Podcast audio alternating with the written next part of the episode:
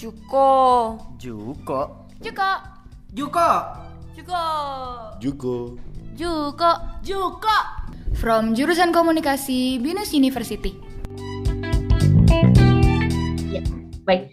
Selamat siang uh, Bapak Ibu dosen, semua pengampu uh, mata kuliah dan juga seluruh peserta webinar Maskom di siang hari ini. Senang sekali kita di Jumat ini kita bertemu lagi dalam webinar dengan topik spesial kali ini bersama narasumber yang spesial juga. Uh, dengan topik seluk-beluk uh, digital kreatif konten dengan narasumber kita di siang hari ini adalah Ibu Jati Safitri sebagai Head of Digital Creative Content Netcom.id. Untuk sesi kali ini memang kita akan bawakan santai ya uh, Mbak Jati. Karena mungkin teman-teman mahasiswa dan juga Mbak Jati ini masih tergolong muda nih kalau saya lihat. Ternyata baru ketemu on cam ternyata Mbak Jati, Mbak Jati masih muda juga dan kita bisa bawakan dengan santai mungkin sebelumnya kita uh, sering sama kayak saya muda nah kalau AA Indra juga masih muda Pak Indra juga masih muda ya Pak masih muda masih muda di sini semua masih Saya panggil Pak ya langsung diralat uh, Mbak Jati jadi AA. Oke, okay. mungkin di sini kita masih uh, sering dengar ya kata-kata digital kreatif dan mungkin kita sering temukan juga di internet, sosial media dan juga website. Namun kadang kita juga kadang um, tidak bisa membedakan mana yang merupakan um, kreatif konten yang baik, sesuai dengan etika broadcasting dan lain sebagainya. Nah untuk itu uh, akan dijelaskan langsung oleh Mbak Jati sebagai expertnya di sini. Sebelum kita mulai event, kita akan membacakan sedikit nih CV dari Mbak Jati. Saya akan coba share screen sebentar. Oke, sudah terlihat teman-teman? Sudah.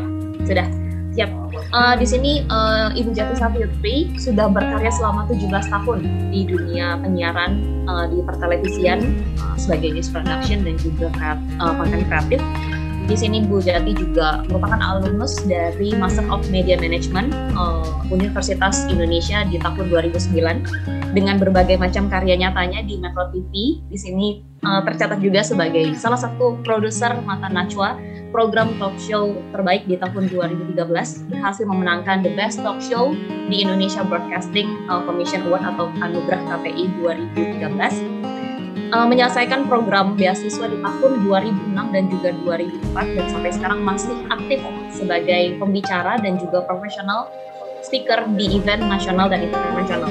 Mungkin uh, banyak sekali penghargaan lainnya yang uh, Mbak Jati sudah terima dan mungkin di hari ini adalah kesempatan yang baik untuk kita mahasiswa uh, Binus University untuk bisa mendapatkan uh, skill atau mungkin ilmu yang uh, Mbak Jati bisa share di siang hari ini. Mungkin saya akan mempersilahkan uh, Mbak Jati untuk bisa uh, memulai untuk uh, webinar di siang hari ini waktu dan tempat saya persilakan. Ya, baik. Terima kasih Kak Arlin dan juga Kak Indra dan mungkin Bapak Ibu uh, dosen yang hadir ya di kesempatan kali ini dan juga mungkin teman-teman mahasiswa uh, komunikasi masa uh, Universitas Bina Nusantara BINUS. Assalamualaikum warahmatullahi wabarakatuh. Selamat siang semuanya. Mudah-mudahan semuanya dalam kondisi sehat seperti mungkin obrolan kita tadi di awal kita masih mengkhawatirkan ada beberapa uh, kondisi juga termasuk saya di kantor saya juga. Meskipun saat ini saya sedang berada di kantor uh, mudah-mudahan teman-teman yang ada di rumah semuanya dan mungkin di kampus ya itu dalam kondisi sehat uh, walafiat ya uh, terutama dalam kondisi pandemi seperti ini. Uh, tadi izin untuk Kak Arlin memang terima kasih sudah memperkenalkan saya dengan CV saya yang memang kemarin sudah sempat diminta dikirimkan ya. Tapi di sini saya pengennya sih ya sharing-sharing aja seperti yang tadi kita uh, sampaikan di awal, kita informal aja, saling sharing pengalaman mungkin ya karena saya kebetulan mungkin lebih dulu uh, di media gitu. Sekarang memang 17 tahun uh, kalau di total gitu ya dari televisi background saya sebenarnya awalnya di televisi mulai dari Trans TV, Metro TV, kemudian uh, sekarang uh, saya dipercaya untuk jadi head of digital creative content di medcom.id jadi lebih ke uh, online journalism sekarang ya. Jadi saya tuh agak hybrid antara TV sama digital nih sekarang. Gitu. kalau boleh uh, izin saya share screen. Mudah-mudahan ini bisa diterima dengan baik oleh uh, bapak ibu dan teman-teman sekalian. Sudah bisa dilihat? Sudah. Sudah ya oke. Okay.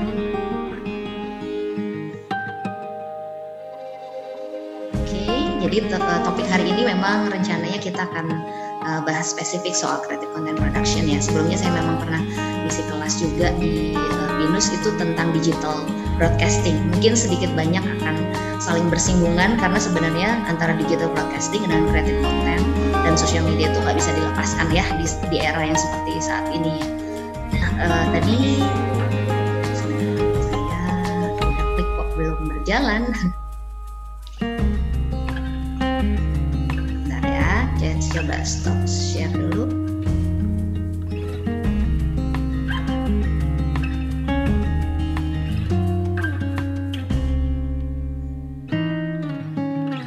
Oke, apakah ini bisa terlihat sekarang? Sudah, sudah Mbak. Sudah ya. Oh, ternyata memang belum bisa ya. Belum bisa dijalanin dari saya. Mau coba saya aja yang jalanin Mbak? Oke, ya saya coba sekali lagi ya. Kalau misalnya bisa, tapi ya tetap nggak bisa ternyata. Oke, oke. Jadi langsung dari Kak Arlin aja ya. Iya, oke. Nge-freeze di saya. Oke. Jadi sebagai pengantar aja eh, kakak kakak-kakak semua ya, eh, Dede dan juga Bapak Ibu dosen. eh, pengalaman saya memang tadi saya sebutkan saya hybrid, jadi banyakan di TV-nya memang kalau di total 14 tahun saya di TV, sisanya baru sekitar tiga tahun 4 tahunan saya eh, di digital ya di broadcast journalist yang ada di online gitu. Eh, yang sekarang saya handle itu video production dan juga social media dan eh, karena kami juga di eh, Medcom ID ini memang konvergensi ya dengan kakak-kakak kami. Eh, mungkin Bapak Ibu sekalian atau kakak-kakak pernah mendengar Media Indonesia dan Metro TV ya, itu kami satu grup. Eh, Kak Arlin, apakah sudah bisa di share screen? Silakan. Ya. Jadi uh, medcom.id itu sebenarnya yang paling muda, anggota termuda dari Media Group. Media Group itu satu uh, grup media yang salah satu yang terbesar ya di Indonesia saat ini. Uh, jadi ada kakak-kakak kami itu, ada Media Indonesia dia sudah 51 tahun, terus Metro TV jalan 21 tahun dan yang paling muda itu tiga tahun ya, itu medcom.id. Jadi boleh next. Uh, sedikit gambaran tadi yang sudah dijelasin oleh Kak Arlin, pengalaman saya. Nanti mungkin kakak-kakak di sini atau adik-adik kalau pengen uh, tanya-tanya boleh soal pengalaman di industri media. Jadi nggak melulu spesifik soal konten yang kita akan bahas hari ini, creative content production, tapi juga kalau mau ngomongin sedikit soal broadcast, dikit-dikit soal digital gitu, digital news production, gitu ya. Boleh berikutnya. Oke, nah saya akan mengawali di sini sebenarnya. Jadi teman-teman uh, uh, berbeda dengan ketika saya sharing waktu itu soal digital broadcasting tuh lebih banyak kita bahas soal teknologi, lebih bahas uh, banyak kita bahas soal platformnya. Tapi di creative content production itu kita akan lebih banyak fokus di content creating ya, di kontennya. Jadi isinya apa sih yang akan kita siapkan untuk publik atau audience? Uh, mungkin sedikit banyak uh, teman-teman mahasiswa di sini udah banyak yang jadi konten creator sebenarnya ya, saya yakin ya. Uh, boleh nggak di sharing? Ada nggak yang mungkin punya YouTube atau memang sekarang jadi influencer juga gitu kan? Bikin-bikin video atau bikin-bikin uh, konten di TikTok gitu. Ada nggak yang di sini uh, rajin isi TikTok sama YouTube-nya? Mungkin teman-teman nih nggak perlu malu ya yang punya Jangan malu-malu. Karena uh, justru kita pengennya sharing uh, apa yang biasa aku kerjain sama yang biasa teman-teman kerjain. Terus siapa tahu kita di diskusi ini uh, uh, jadi bisa saling sharing tips dan trik gitu ya. Gimana caranya ningkatin followers, subscribers terus bisa dapat cuan dari YouTube gitu kan. Uh, bisa dapat cuan dari nanti uh, apa uh, platform lain kan sudah dimonetize juga ya Facebook. Cuman kalau untuk teman-teman yang uh, mungkin uh, publik ya tergolong publik itu baru nanti akan dilepas nih untuk bisa monetisasi. Tapi uh, kira-kira uh, sharing kita hari ini seputar tentang itu gitu ya. Saya yakin teman-teman mahasiswa yang ada di ruang Zoom ini juga adalah seorang konten kreator gitu ya. Uh, sesederhana mengisi konten di akun Instagram kalian gitu, di akun Facebook kalian, TikTok kalian dan seterusnya. Tapi saya pengen tarik sedikit aja uh, dengan hasil riset ya. Jadi supaya teman-teman uh, tahu background kita tuh meng-create konten tuh untuk apa sih sebenarnya. Jadi goal kita untuk bikin konten kan satu pertama adalah menarik perhatian orang kan menarik perhatian orang supaya mereka menjadi followers kita, menarik perhatian orang supaya mereka mau nonton video kita sampai selesai, terus jadinya cuannya nambah dong ya kalau di YouTube ya gitu. Kira-kira seperti itu. Nah, ini ada satu hasil penelitian oleh Microsoft di tahun 2015 kalau teman-teman mungkin uh, belum familiar ya di tahun 2015 itu ada uh, sekitar ribuan responden yang dipelajari di Kanada ya uh, mereka meneliti tentang attention span jadi sebenarnya teman-teman uh, mahasiswa ataupun saya nih sebagai uh, seorang pekerja media itu sama goalnya. Kita mengcreate konten itu untuk menarik perhatian orang manusia ya kan? Target kita kan manusia ya bukan bukan hewan. Manusia. Jadi kita harus mempelajari psikologis manusia. Dia itu sukanya apa? Dia bisa bertahan memperhatikan sesuatu itu berapa lama nah ini yang kemudian dipelajari oleh tim Microsoft waktu itu karena ada perubahan eh, teman-teman uh, pasti tahu perubahan uh, teknologi yang begitu masif ya uh, sejak akhir 90-an lah ya 2000-an awal dengan uh, masuknya internet dan segala macam ya uh, waktu itu. Kemudian sosial media dan lain sebagainya distractionnya makin banyak. Makanya yang pengen dicari waktu itu adalah uh, berapa lama sih tingkat perhatian manusia ya. Nah karena ini akan uh, akan sangat uh, bermanfaat untuk kita sebagai pekerja uh, media yang membuat pesan gitu ya kita sebagai komunikator. Dan juga penting untuk uh, di marketing dan bisnis rata-rata. Karena mereka kan tujuannya adalah supaya menarik perhatian uh, calon konsumen gitu. Nah kemudian hasilnya cukup mengagetkan ya. Ternyata memang uh, manusia dibandingkan sama ikan waktu itu dibandingkan sama ikan emas gitu kita tuh kalah satu detik sama ikan jadi ternyata ikan tuh perhatiannya kepada satu titik objek itu dia lebih lama satu detik daripada manusia. Artinya apa? Ya life uh, attention span-nya manusia itu makin lama makin pendek. Sebenarnya riset ini udah pernah dilakukan di tahun 2000-an. Waktu itu attention span-nya masih belasan detik, kalau nggak salah 13 detik. Ternyata uh, jelang ya selang 15 tahun ya kemudian attention span semakin menipis, semakin pendek.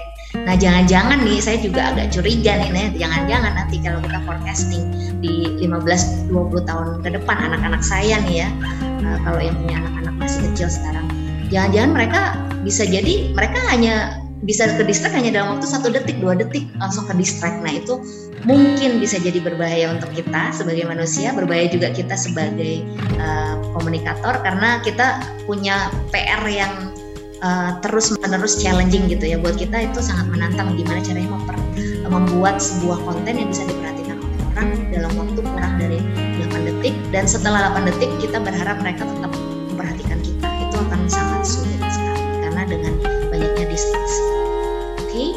uh, eh, kita lanjutkan dulu ke, ke yang slide berikutnya nanti saya akan jelaskan kira-kira seperti apa konten-konten yang uh, bisa menarik perhatian manusia oke okay. Nah, karena saya kan uh, sekarang bekerjanya lebih banyak di uh, content ya, production. Uh, karena saya di digital, kemudian platformnya kan makin banyak ya. Kalau dulu saya di TV, ya saya ngerjain konten itu based on ratings ya. Jadi kalau di TV teman-teman kan komunikasi massa pasti tahu ketika di TV kita based on ratings dan share. Jadi ada rating dan share yang perlu kita uh, evaluasi mungkin bisa jadi harian gitu ya kalau ada laporan rating dan share harian atau mingguan kalau untuk program weekly gitu. Nah dari situ kita pelajari mana sih yang paling disukai oleh penonton kita gitu. Baru kemudian kita create konten sesuai dengan uh, tingkat keberhasilan itu gitu ya uh, rating dan share-nya. Tapi ketika kita uh, kemudian loncat ke digital, which is ya sekarang uh, digital ini kemudian menjadi uh, salah satu yang paling utama mungkin ya industri paling utama yang bertahan bahkan di era kita sekarang pandemi seperti ini. Nah ini kita memang perlu pelajari tips dan triknya. Uh, kalau dari pengalaman saya ngobrol-ngobrol bincang-bincang sama di platform ya, platform ini rata-rata juga platform media sosial yang sekarang banyak digunakan oleh anak-anak muda, mungkin teman-teman mahasiswa juga untuk mengakses informasi ya. Uh, sekarang teman-teman saya yakin uh, meskipun di sini diam-diam aja gitu ya kalau ngakses informasi udah mungkin nggak nonton TV lagi kalian ya. Kan mungkin teman-teman udah nggak nggak baca koran lagi bahkan mungkin nggak baca PDF-nya koran gitu ya. Dikirimin PDF koran juga belum tentu dibaca gitu ya. Uh, tapi teman-teman banyak yang uh, ternyata mengakses informasi itu dari media sosial ya. Bangun tidur nyariin handphone untuk ngecek Instagram dari situ baru dapat info bahwa Nia Ramadhani sama si Ardi Bakri ketangkep narkoba misalnya. Ini hal-hal yang sederhana informasi yang sehari-hari yang teman-teman uh, kemudian ternyata dapatkan di platform yang lain bukan di media konvensional nah uh, ketika saya ngobrol-ngobrol sama teman-teman dari platform gitu ya saya kadang suka main ke YouTube Facebook uh, Twitter ketemu sama dan pengen tahu uh, ada nggak sih riset dari kalian nih dari platform yang uh, bisa buat jadikan bahan buat kita nih orang pekerja industri media gitu supaya kita tuh bisa create konten yang lebih engaging lagi gitu. dan mereka come out dengan ini gitu ya jadi ada poin-poin nih di sini ada funny, inspiring, controversial, shocking dan cute ya. Funny ternyata banyak orang yang sekarang tuh butuh hiburan banget gitu apalagi di tengah pandemi. Jadi hal-hal yang lucu gitu ya mungkin banyak yang follow Instagramnya dagelan gitu atau uh, bapak-bapak gitu. Kalau ibu-ibu uh, aku follownya bapak-bapak akun bapak-bapak itu juga lucu-lucu ya. Nah ternyata memang uh, orang itu butuh humor ya. Uh, orang butuh ketawa orang butuh naikin imun dengan cara uh, apa merasa geli dan mengetawakan diri uh, menertawakan diri sendiri gitu. Nah hal-hal yang konten yang sifatnya lucu ternyata uh, engagementnya paling tinggi gitu ya di sosial media. Jadi satu uh, tips mungkin teman-teman kalau mau bikin konten ya bikin konten yang komedi sekalian gitu, yang lucu sekalian. Kemudian kedua adalah yang inspiring. Inspiring ini macam-macam ya. Maksudnya kalau kayak di Metro TV kita punya program namanya Candy. Candy itu tiap episodenya pasti menghadirkan orang-orang yang inspiratif, ya uh, bisa membantu sesama gitu ya ngasih kaki palsu buat anak-anak yang sakit dan lain sebagainya. Ada anaknya tukang becak yang dia dapat beasiswa sampai S2, S3 di luar negeri. Nah kisah-kisah uh, inspiring seperti itu ternyata itu engagementnya paling tinggi gitu ya. Likes, comments dan sharenya paling tinggi. Jadi uh, konten-konten yang inspiring bisa menjadi pilihan. Kemudian uh, controversial. Controversial mungkin di saat pandemi ini contohnya uh, pro kontra ppkm darurat ya. Jadi ada yang udah ngamuk-ngamuk gitu dari kemarin. Kenapa nggak dari kemarin aja nih pemerintah uh, apa menetapkan ppkm darurat ketika uh, kasus covid harian udah tembus 24 ribu baru kemudian ppkm darurat. Ada pro kontra di masyarakat tentang uh, kebijakan pemerintah tentang penanganan covid misalnya. Nah itu hal yang pro kontra seperti itu kayak kemarin uh, Gubernur Anies ngamuk-ngamuk ya di kantornya salah satu kantor properti gara-gara karena dia nggak masuk uh, industri esensial yang bisa uh, apa yang harus buka gitu ya di saat pandemi ppkm eh malah dia buka dia marah-marah deh itu gubernur ya jadi sesuatu hal yang sifatnya kontroversial itu kemarin juga video Anies ngamuk-ngamuk itu Anies Baswedan ngamuk-ngamuk itu uh, likes, comment dan share-nya sangat tinggi ya.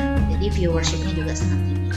Kemudian uh, berikutnya adalah shocking, hal-hal yang mengejutkan. Mengejutkan bisa macam-macam ya, mengejutkan yang membahagiakan atau mengejutkan yang menyedihkan bisa ya. Jadi ada yang sifatnya tragedi karena mungkin bencana alam uh, atau hal-hal yang ya seperti kita sekarang pandemi uh, sekarang kasus covid harian udah tembus 30 ribu per hari. Kematian kemarin tembus 1000 orang per hari. 1000 nyawa per hari hilang. Itu kan shocking ya sesuatu yang mengejutkan. Jadi uh, konten-konten seperti itu yang uh, akan ya pastinya menarik viewers lebih banyak karena mereka kan khawatir terhadap keamanan keluarganya dan lain sebagainya gitu ya. Kira-kira seperti itu itu uh, poin berikutnya yang bisa mungkin teman-teman tipsnya untuk bikin kemudian selanjutnya adalah yang cute. Cute tuh hal-hal yang mengemaskan hal-hal yang membuat kita senang gitu ya tersenyum dan sebagainya. Ya mungkin banyak juga aku contohin tuh video-video kalau di YouTube tuh video-video apa kucing peliharaan yang main piano gitu yang lucu-lucu gitu. Atau anjing sama kucing lagi kejar-kejaran eh pokoknya yang lucu-lucu aja. Nah itu yang cute-cute itu biasanya memang viewershipnya juga gede gitu ya. Oke boleh selanjutnya. Next slide ya oke. Nah ini best kontennya kalau tadi udah kira-kira elemen-elemen apa sih yang bisa menarik perhatian masyarakat atau audiens kita ya based on research ya. Nah kemudian kemudian gimana caranya mengemas konten itu? Pertama pastinya make it simple. Kenapa? Karena sekarang tadi saya sudah sampaikan di awal bahwa teman-teman mungkin teman-teman mahasiswa juga banyak mengakses informasi itu sekarang di gadget ya di handphonenya. Di handphone di layar yang sekecil itu. Apalagi kalau handphonenya yang kecil ya layarnya ya. Kebayang nggak? Dari layar sekecil itu tuh teman-teman harus memproses sebuah informasi sebuah berita yang mungkin beritanya sangat rumit itu soal undang-undang lah soal ppkm itu syarat ppkm aja ya uh, untuk aturan main ppkm aja itu banyak banget berlembar-lembar kan sebenarnya. Kalau kita baca pdf-nya itu bisa puluhan ratusan lembar. Tapi kan tugas kita sebagai komunikator teman-teman adalah mahasiswa mahasiswi komunikasi massa nantinya akan terjun ke industri dan kalian akan jadi komunikator tugas kalian adalah interpreting uh, raw material itu ya data yang sedemikian rumit itu untuk menjadi sederhana. Kenapa? Karena kita ketika menyampaikan itu ke komunikan kita ke orang-orang audiens kita itu kita harus memahami bahwa mereka belum tentu punya background pendidikan yang sama dengan kita ya kan? Kita nggak boleh berasumsi bahwa mereka adalah lulusan S1 S2 berpendidikan uh, tinggal di Jakarta gitu yang semuanya serba komplit nggak selalu kan. Bisa jadi yang uh, menikmati pesan anda atau proses informasi anda adalah orang-orang di ujung sana gitu ya di di penghujung mana pulau mana gitu yang sangat terpencil kondisinya juga mungkin sangat memprihatinkan mereka juga mungkin pendidikannya kurang gitu. Jadi kita harus bisa uh, mentransfer pesan gitu ya yang sedemikian rumit itu menjadi lebih sederhana supaya bisa mudah dipahami oleh audiens kita. Oke, okay, kemudian berikutnya adalah uh, video. Video itu uh, jadi kemarin sebenarnya aku dapat bahan juga dari teman-teman Facebook ya, three points of uh, engaging videos di Facebook itu salah satunya adalah pastinya video. Jadi konten-konten apa sih yang di, banyak ditonton di Facebook sekarang itu ternyata banyak kan video dan semua nyari semua platform sekarang larinya ke video semua ya kontennya. Jadi mereka uh, sudah menurut mereka still graphics, infographics, motion graphics itu udah biasa. Mereka uh, lebih banyak sekarang menikmati yang video gitu. Jadi uh, sebisa mungkin ada konten video yang bikin juga di infografis nanti gitu ya. Lalu mereka juga suka yang namanya infografis. Kenapa? Karena infografis itu kan sebenarnya menyederhanakan pesan tadi ya. Jadi dari uh, undang-undang yang rumit, dari aturan-aturan main yang rumit, kemudian kita bikin pointers-pointers yang lebih sederhana, kemudian dibikin dengan sedemikian rupa dengan karena mungkin teman-teman jagonya desainer graphics di sini ya, bisa bikin uh, layout-layout yang menarik dengan warna yang dan font yang ramah di mata gitu ya kemudian bisa dinikmati dengan uh, dengan enak dan nyaman di mata audiens kita. Jadi uh, they love infographics ya, video dan infographics. Terus untuk uh, di sosial media terutama itu ada dua poin terakhir ini yang saya pengen uh, sharing ya, uh, quiz time dan juga polling. Kenapa? Karena quiz dan polling uh, itu adalah salah satu cara kita untuk uh, meng-attract uh, engagement mereka, gitu ya. Kalau teman-teman punya social media accounts uh, dan kalian punya followers yang banyak, punya subscribers yang banyak, uh, berikutnya mungkin yang kalian selalu perhatikan tuh pasti engagement, likes, comments dan share. Kenapa sih likes, comments dan share itu penting gitu? Karena itu adalah KPI-nya. Kalau kalau di TV ya, kalau di TV kita KPI-nya key performance indicator-nya adalah rating dan share. Ratingnya tinggi maka kontennya uh, biasanya disukai oleh, si audience. Ratingnya jeblok berarti kita harus ganti kontennya atau ganti sekali. Nah, kalau kita di online, media online, key performance indicator-nya apa? Page views ya. Page views, ranking Alexa itu media online ya. Kalau di sosial media, key performance indicator-nya apa? Engagement. Engagement itu uh, salah satu KPI utama di di sosial media. Makanya yang teman-teman harus perhatikan adalah uh, gimana caranya ningkatin engagementnya supaya KPI kalian juga tercapai ya. Salah satunya okay. adalah trending topic. Ya, boleh. Trending topik gimana? Trending topik engagement. Ya, trending topik benar. Oh. Ya, jadi trending topik kalau kita bisa masukin uh, topik uh, konten kita itu sampai ke trending topik itu berarti hebat banget teman-teman ya. Hitungannya sama dengan seperti kalau kita uh, dapat rating dan share. Kalau share di TV itu yang bagusnya kalau sinetron gitu ya, share-nya bisa sampai 40% ikatan cinta tuh bisa sampai 40% 50% gila gitu ya itu gila banget di di era sekarang orang nggak nonton TV itu ternyata sinetron ikatan cinta tuh rating share-nya bisa segede itu. Nah, sama uh, kalau di sosial media kita bisa nyampe ke trending topik itu berarti konten teman-teman itu sudah sangat efektif untuk meraih audiens uh, kita gitu ya. Nah, salah satu caranya untuk uh, menarik supaya engagementnya tinggi adalah dengan quiz, dengan polling. Ya, quiz sama polling itu kadang-kadang kita harus modal dikit ya kasih hadiah oh, yang iya. mungkin yang murah meriah hore aja misalnya merchandise gitu atau uh, pulsa 50 ribuan. Nah, kadang-kadang uh, ya teman-teman netizen plus 62 itu mau dikasih receh receh apa pun mereka akan tetap ikut aktivasi digitalnya. Jadi uh, ini adalah cara supaya kita ketika kita bikin aktivasi digital itu engagementnya makin tinggi gitu ya. Bisa dengan cara menanyakan pendapat mereka. Artinya apa? Supaya mereka tuh terlibat gitu ya dalam pembicaraan. Jadi uh, ini adalah two way communication karena kan social media itu dia nature-nya adalah interaksi. Beda dengan TV, kalau TV apalagi media konvensional uh, dia one way communication. Tapi kalau di social media kita berinteraksi. Ada komen yang telat sedikit dibales, nanti netizennya bisa uh, komplain gitu ya kan. Jangan sampai kita telat membalas. Itu penting banget karena interaksi uh, interaktivitas itu adalah nature-nya social media. Oke, berikutnya Kak Arlin boleh minta Ya, oke. Ini salah satu cara yang uh, kita pakai dan itu pasti teman-teman binus juga mungkin udah sering pakai ya. Kita manfaatkan uh, live Instagram gitu ya. Live Instagram sekarang udah bisa dengan narasumber. Terus kita bisa push live multi platform gitu ya.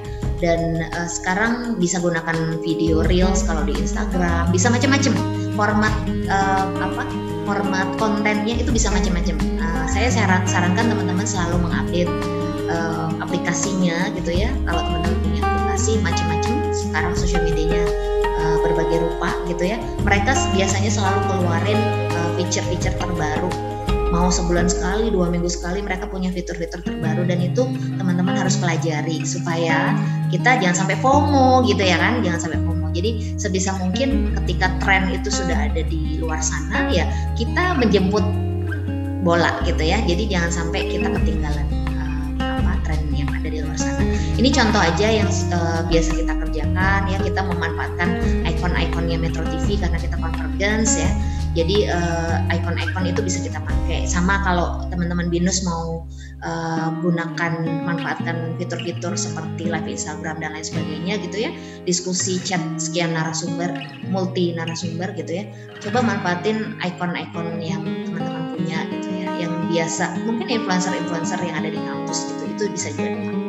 Boleh berikutnya Kak Arlin ya ini contoh-contoh aja ya kalau uh, tadi lebih banyak memanfaatkan ikon kalau ini adalah uh, kita pakai topik-topik yang sangat dekat audiens kita. Makanya harus dipelajari dulu uh, audiens kita itu siapa gitu ya. Kalau uh, saya mungkin backgroundnya itu pernah di televisi yang general entertainment dulu saya di Trans TV itu pasti audiensnya beda dengan ketika saya loncat ke Metro TV yang news 24 hour news channel gitu ya.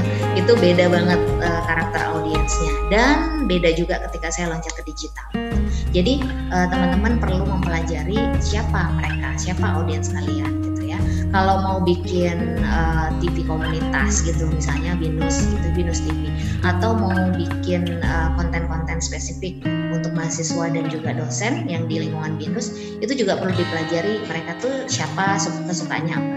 Nah, ini salah satunya kita masuk lewat hobi ya. Jadi memang kalau kita masuk lewat hobi itu konten-konten hobi dia akan sangat segmented ya. Tapi semakin segmented kalau kita pelajari ke sini, makin ke sini tuh konten-konten yang uh, tersebar di luar sana itu kan uh, banjir ya. Banjir informasi. Gimana sih caranya supaya kita lebih efektif? Ya kita harus targeting gitu. Uh, kalau sudah targetingnya spesifik ke orang-orang tertentu maka kita pelajari dia. Nah kadang-kadang saya tuh uh, suka gini uh, sampaikan ke timnya teman-teman yang bekerja dengan saya supaya kita tuh bikin uh, profiling audience yang pas gitu. Misalnya contohnya Metro TV gitu ya. Metro TV itu profile audiensnya siapa sih gitu. Kita harus ambil satu contoh example yang bisa kita uh, pakai gitu ya satu orang dan kita pelajari satu orang itu dengan lebih detail gitu. Nah mungkin teman-teman juga bisa pakai tips seperti itu uh, misalnya nih dia namanya siapa, tinggal di mana. Itu artinya data de demografisnya ada ya. Jadi secara geografis dia uh, ada di mana, usianya berapa, laki atau perempuan, gendernya ada ya, informasi tentang gender ada. Dia kesukaannya apa, bahkan kalau bisa aktivitas hariannya apa. Apakah dia pekerja profesional di institusi apa gitu ya. Biasanya kadang ada perusahaan-perusahaan mau apakah dia PNS atau dia pekerja swasta itu berbeda tuh uh, apa uh, habitnya, habit mereka ber, berbeda secara psikologis mereka berbeda. Kemudian kita pelajari juga uh, mereka tuh hobinya apa sih di saat mereka waktunya luang itu mereka ngapain? Dan itu kita catat semua gitu ya. Jadi kita pelajari detail sampai ke target audiensnya. Nah dari situ uh, kita jadikan mereka sampel. Nah dari sampel itu kemudian kita bisa membuat konten yang sangat spesifik uh, berguna buat dia gitu. Itu akan lebih bagus lagi. Kalau teman-teman punya punya tim riset gitu ya eh, orang-orang uh, yang ditunjuk untuk melakukan riset sederhana. Nah ini sebenarnya sama aja kayak melakukan riset marketing gitu ya. Jadi untuk mempelajari audiens kita tuh siapa sih, supaya kita bisa better serve mereka gitu, sesuai dengan uh, keinginan dan kebutuhan mereka. Gitu ya. Boleh berikutnya Kak Arlin. Ya ini juga contoh ya sama contoh seperti yang tadi. Boleh berikutnya lagi. Oke, nah ini juga salah satu contoh yang bisa teman-teman bikin. Ini sudah sering dipakai juga metodenya pakai microblogging ya. Kalau dulu uh, era era hampir 20 tahun yang lalu, oh, 15 tahun yang lalu ya Twitter ya. Twitter itu 144 karakter waktu itu dan kita harus bisa mengcreate pesan atau informasi dalam 144 karakter. Gimana caranya? Nah ini uh, karena kayak contohnya di Instagram kita punyanya slides ya, ada 10 slides biasanya, maka kita bikin serial slides. Kita bisa namanya namanya namanya insta insta series kalau di kita ya di industri kita bisa pakai namanya insta series atau microblogging. Nah, microbloggingnya itu bisa macam-macam nih. Contohnya ini contoh aja nih, kenapa tombol save ada di kanan? Kan jadi bikin penasaran ya. Nah, kalau penasaran dia akan swipe left gitu baru temukan jawabannya di slide-slide berikutnya. Jadi caranya adalah teman-teman uh, membuka informasi sedikit demi sedikit sampai kemudian uh, audiens atau netizen itu bisa menemukan jawabannya di slide terakhir. Itu, itu kira-kira yang konsepnya microblogging adalah seperti itu. Boleh berikutnya Kak Arlin. Nah ini sama contoh ya kalau yang suka otomotif uh, bisa juga teman-teman uh, bikin konten soal fitur-fitur yang ada di motor atau di mobil tertentu keluaran terbaru gitu ya. Nah nanti dibikin slide uh, seperti ini. Jadi microblogging. Nanti kalau mereka penasaran mereka akan swipe left sampai kemudian mereka menemukan uh, di akhirnya mereka akan menemukan jawabannya. Dan kadang-kadang kita suka pakai metode ini tuh untuk juga menarik klien ya. Jadi iklan supaya iklan masuk gitu. Uh, kita misalnya ada klien nih ya masuk kita bikinin semacam kreatif break untuk mereka gitu ya. Nah kita pelajari mereka goalnya apa sih di campaign ini. Nah ternyata mereka goalnya misalnya untuk meningkatkan penjualan produk tertentu gitu misalnya. Nah maka kita kasih deh satu uh, klip informasi tentang produk itu yang tapi harus uh, jangan hard selling di depan ya. Jadi hard selling itu adalah langsung dikasih logo sama produknya gitu. Itu orang biasanya rata-rata langsung lari ya. Makanya kita kasih informasi. Kita kasih informasi misalnya produk uh, madu gitu ya karena kaitannya sekarang sama pandemi. Nah, kita bisa bikin informasi yang sesuai dengan kebutuhan masyarakat kita di saat pandemi. Mereka butuh untuk meningkatkan imun tubuh mereka. Maka kita riset tentang bagaimana sih cara meningkatkan imun tubuh. Nah, nanti di akhir baru kemudian ada slide madu dipersembahkan oleh madu rasa gitu misalnya atau dipersembahkan oleh HDI propolis gitu misalnya contohnya ya.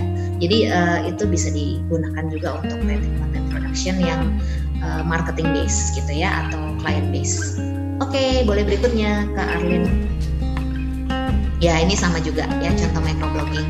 Uh, sekarang ini konsultasi-konsultasi kesehatan ini lagi marak banget ya, apalagi uh, setelah banyak yang isoman mandiri, kemudian uh, isolasi mandiri di rumah, terus banyak juga aplikasi-aplikasi kesehatan yang bisa kita pakai sekarang ya, Halodoc dan lain sebagainya itu Nah, ini juga bisa kita manfaatkan mumpung masyarakat tuh lagi banyak butuh informasi tentang kesehatan. Uh, coba deh teman-teman uh, kerjasama kolaborasi dengan dokter, uh, mau dokter apa namanya penyakit spesialis penyakit paru boleh ya karena sekarang lagi banyak dibutuhkan di saat covid ini. uh, atau uh, kerjasama dengan satgas COVID juga bisa. Nah teman-teman bisa bikin informasi-informasi terkait COVID, penanggulangan COVID, caranya isolasi mandiri di rumah yang aman, kalau saturasi oksigen turun itu apa yang harus dilakukan dan seterusnya gitu ya. Jadi uh, sediakan informasi yang mereka butuhkan itu kuncinya. Boleh berikutnya Kak Arlin. Ya, oke. Okay. Nah sekarang kita beralih ke uh, video sih ya. Kalau tadi adalah uh, contoh-contoh yang bisa teman-teman pakai di social media platforms. Uh, variannya sangat banyak, maka kita sekarang coba uh, basic lagi deh ke video. Ini mungkin Kak Indra, Cek Kak Indra atau Pak Indra uh, bisa lebih jago di sini ya karena uh, beliau tuh uh, dulu uh, senior uh, broadcaster, senior camera person. Pastinya secara uh, audiovisual beliau lebih expert ya. Tapi kira-kira ketika kita punya basic knowledge di video ya teman-teman. Apa sih yang bisa kita lakukan ketika sekarang uh, eranya tuh era digital, orang tuh menikmati video itu dari dari handphone yang sekecil ini gitu layarnya, sangat kecil gitu. Apa yang bisa kita custom ya? Kalau uh, dulu mungkin uh, kita sebagai orang TV nih ya Kak Indra ya, uh, sebagai orang TV kita diajarin untuk mengambil gambar itu wide, medium, close. Mungkin teman-teman komunikasi masa ada pelajaran, ada mata kuliah tentang pengambilan video ya. Tapi uh, apa sih yang bisa kita custom di era digital saat ini? Karena yang paling dibutuhkan oleh mereka adalah yang bisa dikonsumsi langsung di gadget mereka kan. Gitu. Jadi kalau uh, kita lihat gadget kita yang layarnya sekecil ini, maka ini teman-teman yang paling penting adalah uh, make it personal gitu ya. Uh, nanti aku akan share lagi kayaknya setelah ini tuh ada uh, kita harus bikin uh, videonya. Boleh mungkin slide yang berikutnya dulu, uh, Kak Alin mungkin kita langsung ke sini. Nah, baik. Ini uh, kita kasih tips dulu untuk supaya uh, produk atau output videonya teman-teman bisa dinikmati secara online pakai gadget ya. Yang pasti sekarang itu orang-orang udah mobile viewing, percayalah gitu ya. Bahkan uh, apa medcom.id aja kita yang online platform itu 97% itu orang membaca Medcom ID itu di gadgetnya ya 97 persen. 3 persen baru di desktop. Di desktop itu bisa di laptop di PC dan lain sebagainya. Artinya orang itu menikmati informasi baik itu berupa teks uh, grafis infografis ataupun video itu memang mobile. Jadi teman-teman harus tahu bahwa uh, audiens kalian itu mobile. Mereka selalu bergerak ya. Mereka selalu bergerak lagi ngerjain sesuatu sambil masak sambil nonton tutorial video YouTube sambil kerja sambil nonton Instagram gitu ya uh, reels gitu. Nah jadi teman-teman harus paham bahwa audiens kalian itu move moving mereka. Jadi kalau ketika mereka mobile uh, distractionnya makin banyak ya. Jadi usahakan supaya teman-teman memproduksi yang bisa di uh, view di mobile. Jadi uh, lupakan itu yang namanya wide medium. Jadi teman-teman fokus aja di close up sama extreme close up. Uh, kalau dulu kami di TV, ini Kak Indra pasti tahu dan expertnya di sini justru mungkin bisa sharing. Uh, teman-teman uh, baik itu reporter atau kameramen itu selalu diajarkan untuk mengambil gambar uh, wide, medium, close up. Karena kalau nggak ada satu elemen aja di situ, kita bisa diomelin sama editornya. Kita bisa diomelin sama produsernya, bahkan disuruh balik ke lapangan untuk ngambil gambar lagi gitu ya, supaya gambarnya lengkap wide, medium, close up. Karena ketika dia diedit kemudian ada uh, satu unsur elemen aja yang hilang maka itu bisa dibilang jumping videonya ya kan? Tapi sekarang apa yang terjadi teman-teman? Ketika saya pindah ke digital dan kemudian saya pelajari uh, apa uh, habitnya orang-orang nonton di digital. Kalau teman-teman orang TV kemudian teman-teman nonton YouTube pasti teman-teman akan stres sendiri. Saya sih stres banget ya nonton nonton YouTube itu gambar udah goyang-goyang, jumping semua, elemen gambarnya tidak terpenuhi gitu. Tapi kenapa penontonnya bisa jutaan gitu viewersnya kan gemes kan? Sementara kami yang kameramennya itu well trained, kita opi, apa semuanya di, dilatih secara profesional, kita ngambil gambarnya sudah ditata dengan rapi sekali, diedit dengan rapi. Ternyata viewersnya mungkin nggak bisa ngalahin konten kreator yang yang gambarnya nggak karu-karuan itu ya tadi saya bilang ya tapi ternyata memang nature-nya berbeda ya. Jadi kalau uh, teman-teman sekarang mau berproduksi untuk digital, maka uh, ada baiknya teman-teman ya udah lupain aja deh yang tadi uh, namanya wide medium. Uh, teman-teman fokus aja di close up sama extreme close up. Karena toh itu hanya bisa dinikmati di layar sekecil ini gitu mereka uh, syukur-syukur ya mereka nggak pakai kacamata apalagi yang udah pakai kacamata nggak kebayang itu kalau disediakan gambar wide atau long shot itu mereka pasti akan langsung zapping atau nggak nonton lagi konten kalian. Jadi sayang banget kan? Boleh di slide berikutnya Kak Arlin? Yang setelah ini oke. Okay. jadi setelah close up uh, tadi ya perhatikan bahwa uh, teman-teman harus memproduksi yang mobile viewing close up dan jangan jangan lupa untuk produce per platform. Apa sih maksudnya produce per platform? Uh, masing-masing platform itu punya karakteristik yang berbeda. Tadi saya sudah sempat uh, bicarakan di awal bahwa teman-teman harus mempelajari karakteristik masing-masing platform kalau di Instagram itu mau ditaruh di feed maka dia uh, harus square gitu ya kalau YouTube itu harus 16 banding 9 misalnya. Nah kalau di Instagram Story maka dia harus vertikal. Jadi harus dipelajari uh, platformnya gitu ya dan fitur-fiturnya. Kalau di Instagram Stories maka kita produce-nya uh, vertikal, video vertikal gitu ya. Kalau kita mau masukin di feed maka kita masukinnya lewat uh, teman-teman uh, pasti biasa dengan IGTV. Nah kita masukinnya lewat IGTV supaya ditaruh di feed. Ketika di feed orang harus ngeklik dulu baru kemudian mereka bisa lihat secara utuh videonya kalau nggak mau jadi masing-masing platform punya karakteristik dan teman-teman harus mempelajari dan memproduksi sesuai dengan karakteristik platform. Gitu ya. Boleh uh, maju sedikit ke yang tadi Kak Arlin ya ini dia jadi the key to compelling videos adalah pertama make it personal jadi uh, semua hal yang sifatnya personal dan sidebar itu sekarang lagi makin banyak digemari karena orang lebih suka uh, yang uh, istilahnya itu behind the scenes gitu ya. Justru ketika semuanya tertata rapi dan kemudian ya seperti pembaca berita lah ya, membaca berita apa adanya di belakang meja gitu ya disiapkan dengan prompter dan segala macam. Mungkin uh, viewersnya nggak sebanyak ketika uh, ada sesuatu yang genting di newsroom kemudian ternyata uh, oh di saat uh, breaking news itu ternyata reporter tuh lari-lari ya campers itu begitu yang ngambil gambarnya. Nah itu ternyata orang lebih suka dengan uh, hal-hal yang sifatnya uh, behind the scenes gitu. Sesuatu yang uh, tadinya off the record gitu sebenarnya gitu ya tidak untuk dikonsumsi publik tapi mereka jadi penasaran justru gitu jadi uh, mungkin tips-tips ini bisa bisa untuk teman-teman uh, ikutin ya key to compelling videos ini uh, make it personal, sidebar stories, jangan lupa hal-hal yang menarik di sisi seputar sisi lain berita gitu ya. Human interest yang selalu uh, tadi saya bilang inspiring ya, ada anaknya uh, tukang beca tapi dia dapat beasiswa sampai S3 di luar negeri. Nah, itu human interest gitu ya. Kemudian behind the scenes, sesuatu yang sebenarnya off the record tadinya tidak untuk dikonsumsi publik tapi kemudian kita bocorin ke audiens maka mereka akan akan sangat merasa uh, deserve gitu. Itu. Oke, boleh berikutnya Kak Arlin. Loncat dua ya berarti. Satu lagi. Ya, oke. Okay. Nah, kemudian teman-teman uh, oke, okay, range yang konten ini kan banyak banget ya termasuk platformnya. Sekarang saya mau agak agak loncat sedikit ke podcast gitu ya. Mungkin teman-teman sudah ada yang yang biasa podcasting di sini atau Binus sudah punya podcast? Ada teman-teman? Karyana mana tadi? Tadi ada Karyana ya? podcaster sejati. Podcaster. Ya, nah. ada ya ada podcaster kita uh, Miss Riana di sini um, Mbak Jadi. Jadi memang uh, ada satu panel di uh, Maskom itu obrolan Juko itu memang uh, reguler uh, mahasiswa akan isi beberapa topik menarik uh, uh, untuk podcastnya. Wah keren banget. Jangan lupa nanti isi-isi ya. Kita Melkom ID juga punya podcast namanya podme.id. Saya juga ngisi di situ oh. gitu. Ada satu podcast yang saya isi.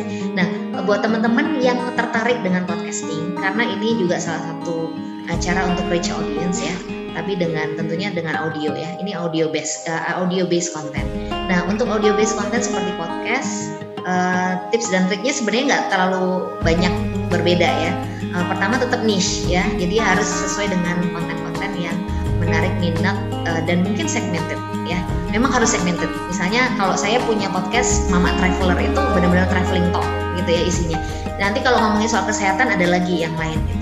Jadi uh, harus dibikin uh, programnya spesifik sesuai dengan kebutuhan mereka. Jangan satu program itu isinya campur-campur gitu ya. Kadang-kadang hari ini ngomongin uh, apa tips-tips uh, untuk bikin makanan, besoknya ngomongin traveling, besoknya lagi ngomongin kesehatan. Itu biasanya uh, unlikely orang tuh nggak nggak attach ya. Jadi sebisa mungkin find your niche ya yang paling uh, Anda expert tuh gimana sih gitu. Kalau Anda expert di komunikasi massa, coba bikin tips dan trik tentang komunikasi massa dan seterusnya gitu ya. Kemudian uh, fokus di listeners. Nah, fokus di listeners ini sama dengan uh, tadi yang kita terapkan di awal, kenali audiensnya gitu ya. Tadi kita sudah sempat mengenali audiens bahwa mereka perhatiannya hanya bisa dipertahankan dalam waktu 8 detik, maka tugas teman-teman adalah uh, mempertahankan supaya mereka bisa mau tetap nonton setelah 8 detik gitu kan artinya selalu digangguin lagi videonya harus yang mengejutkan supaya mereka tertarik dan seterusnya nah ini juga sama. Kalau untuk uh, podcaster itu dia harus memahami yang dibutuhkan oleh pendengarnya. Jadi pendengarnya ini suka apa sih? Makanya sesekali kadang-kadang suka dilempar. Perlu dilempar di komen kalian butuh butuh informasi soal apa? Gitu. Nanti aku akan aku akan sharing soal itu. Misalnya oh butuhnya ternyata tips untuk masak nasi goreng uh, kebuli gitu. Nasi nasi goreng kebuli tuh kayak gimana sih bikinnya? Ya udah kita bikin tipsnya gitu. Sesuai dengan yang mereka butuhkan ya. Jadi fokus on your listeners. Kemudian be konsisten yang konsistensi itu penting tapi memang ini aku yakin juga kadang-kadang ada orang-orang yang sibuk banget gitu ya sampai mereka kadang-kadang ya ngisi podcastnya sebulan sekali deh gitu atau dua bulan sekali kadang-kadang pas lagi luang ya. Nah ini sebisa mungkin memang teman-teman tuh konsisten. Ini di platform mana pun tetap harus konsisten ya. Nanti saya akan uh, ngobrol lebih detail lagi soal social media tapi uh, di podcast itu tetap harus konsisten. Misalnya seminggu sekali ngisi atau dua minggu sekali yang penting konsisten. Selalu ada uh, time plan-nya gitu ya. Kemudian pastinya SEO ya. Buat teman-teman yang mempelajari digital broadcasting pasti sudah uh, akrab dengan yang namanya search engine optimization. Nah, ini yang selalu kita pelajari uh, untuk kita bisa mendapatkan page views yang lebih besar tuh gimana sih caranya biar nyantol di Google Search itu gimana sih caranya. Nah, itu. Ini sama. Kalau kita podcasting kan uh, podcast kita di misalnya di Anchor atau di mana lagi ya? Podcast itu macam-macam ya, Google Podcast, uh, di potnya juga bisa. Nah itu kita base uh, on search juga ya. Jadi uh, sebisa mungkin ketika orang ngetik sesuatu di uh, kolom searchnya Google itu nyantol ke podcastnya kita. Gitu. Makanya kita perlu pelajari search engine optimization. Yang sederhana aja SEO yang sederhana. Dengan cara tagging misalnya, terus keyword ya kata-kata kunci yang uh, memang teman-teman pengen masukin ke dalam deskripsi podcastnya itu penting ya. Supaya uh, ketika mereka mencari informasi uh, tertentu tentang masakan atau apa itu bisa langsung masuk ke podcast anda. Nah kemudian create an excellent audio trailer. Ini juga sama. Prinsipnya sama dengan yang tadi. Ketika kita belajar tentang attention span. Attention span itu kan 8 detik manusia ya manusia 8 detik. Artinya kita harus memenangkan perhatian mereka di 8 detik pertama ya. Nah, ketika kita bikin video di YouTube, maka biasanya itu ada trailernya. Kalau biasa nonton siapa? Deddy Corbuzier ya, uh, Close the Door, itu dia biasanya taruh trailernya di awal. Uh, narsumnya ngamuk-ngamuk lah, narsumnya ketawa ngakak lah, itu ditaruh di awal. Karena apa? Itu untuk memenangkan perhatian mereka dulu supaya mereka mau bertahan di 8 detik berikutnya, 8 detik berikutnya dan seterusnya Oke, okay? jadi uh, di sini sama podcast itu juga you should create an excellent audio trailer. Paling nggak itu tiga detik pertama lah itu dikasih uh, cuplikan dari audio gitu ya. Kemudian uh, design a clever campaign. Ini promo ya, yang kaitannya dengan promosi. Nah kalau promosi memang macam-macam ya uh, bentuknya. Teman-teman mau promo di sosial media, teman-teman bisa. Teman-teman mau promote di misalnya punya blog, dipromot di blognya juga bisa. Uh, teman-teman mau getok tular aja lewat WhatsApp gitu ya kan sekarang banyak di WhatsApp group uh, promo-promo nah bisa teman-teman promoin sedikit kasih deskripsi uh, dari podcastnya kemudian kasih link podcastnya. Terus teman-teman blast di WhatsApp group. Nah di situ itu maka uh, campaign teman-teman sedang berjalan gitu ya. Jadi kalau uh, campaignnya berjalan uh, diperhatikan aja platformnya mana aja terus mau pakai campaign itu selama berapa lama gitu ya. Apakah mau pakai boosting ads gitu ya nambah beriklan di Facebook dan Instagram supaya promonya itu uh, bisa lebih masif lagi di luar followers kita itu juga bisa gitu. Jadi uh, itu tadi ya desain akun oke boleh berikutnya dulu.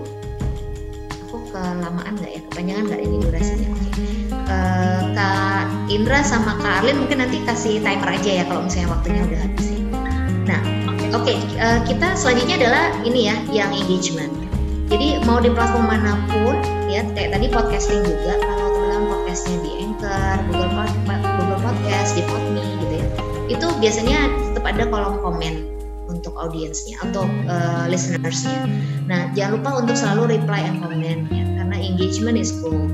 Engagement itu adalah key performance indicator yang utama di social media ataupun uh, di platform digital lainnya gitu ya. Kayak uh, website-website uh, berita online sekarang juga semuanya ada komen-komennya. Jadi uh, makanya banyak netizen yang kemudian setelah baca beritanya mereka gemes banget gitu ya terus mereka tulis komen di situ. Nah jangan lupa miminnya itu harus standby terus. Makanya kenapa miminnya sosmed itu nggak boleh kosong ya. 24/7. Mereka tuh sama kayak uh, broadcaster sampai sama kayak jurnalis ya. Mereka 24 jam dalam sehari, 7 hari dalam seminggu kalau orangnya cuma satu dia bisa pingsan ya. Makanya mimin mimin sosmed kalau bisa tetap ada dua atau tiga dan harus diatur bekerja bergantian shifting. Karena kadang-kadang suka ada komen komen komen nyeleneh itu hadirnya di jam 2 dini hari. Karena mungkin bisa jadi dia insomnia gitu kan.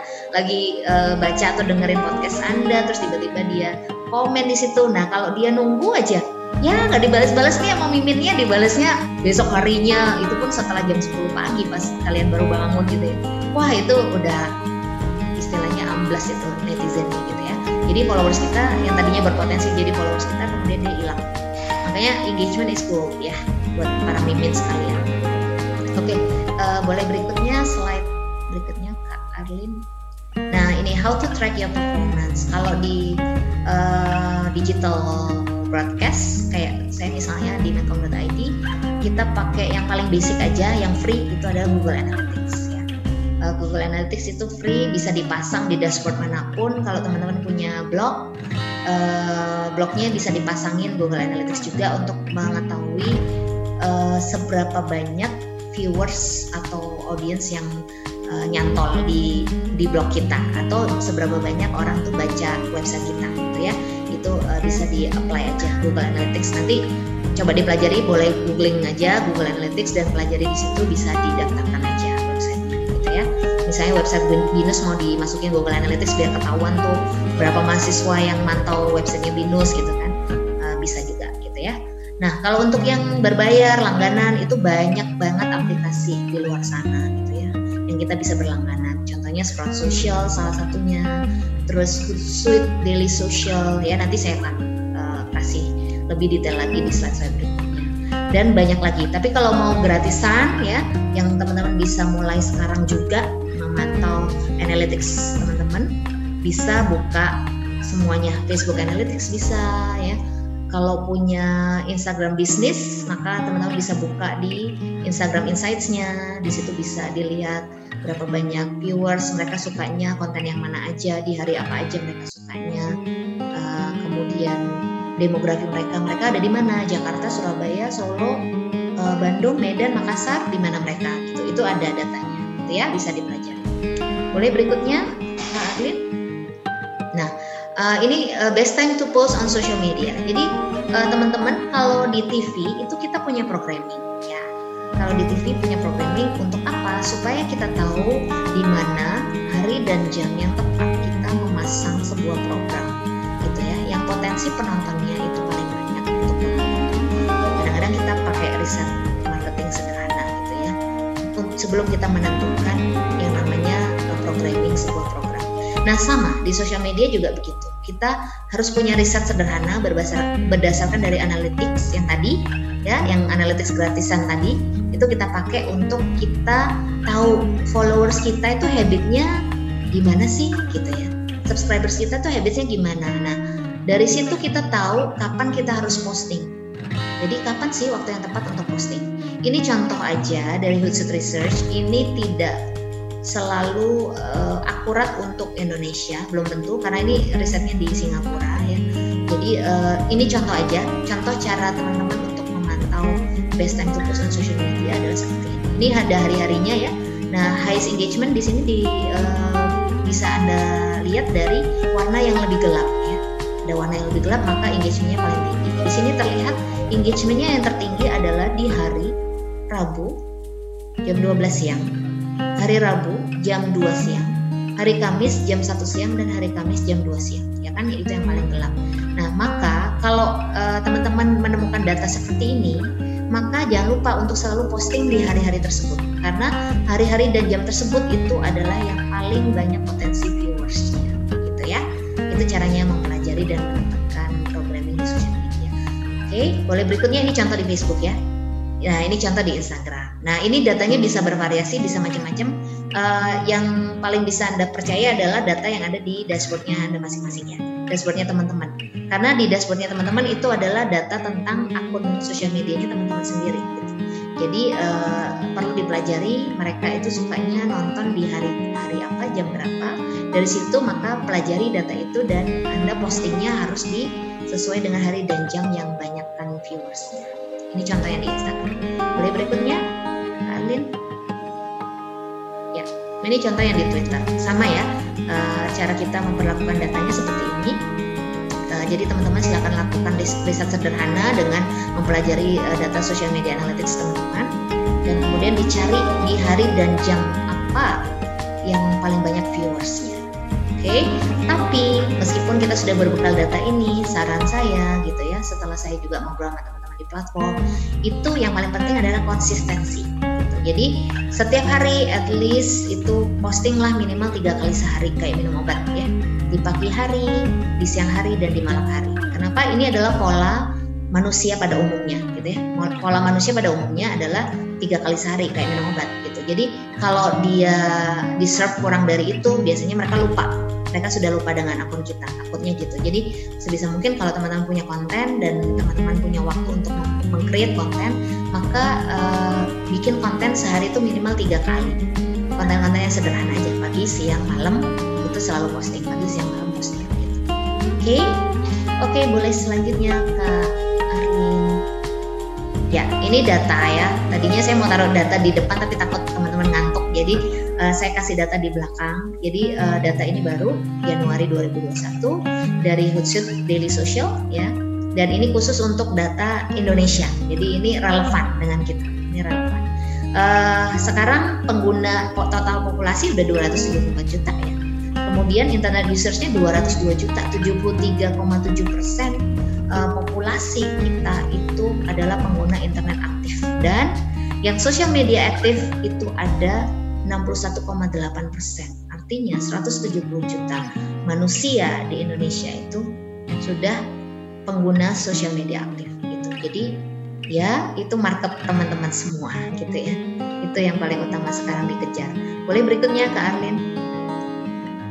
Uh, kemudian ini daily time spent on media. Ini uh, memang agak menyedihkan buat saya yang backgroundnya dulu orang TV ya jadi kalau teman-teman uh, seperti yang bisa kita tebak ya uh, dengan seiring dengan perkembangan teknologi, uh, attention span yang semakin pendek, ternyata ya ternyata oh ternyata yang perlu dibaca adalah yang data yang di tengah itu teman-teman time spent watching television broadcast maupun streaming ya. Padahal streaming udah di, dilihat nih di sini.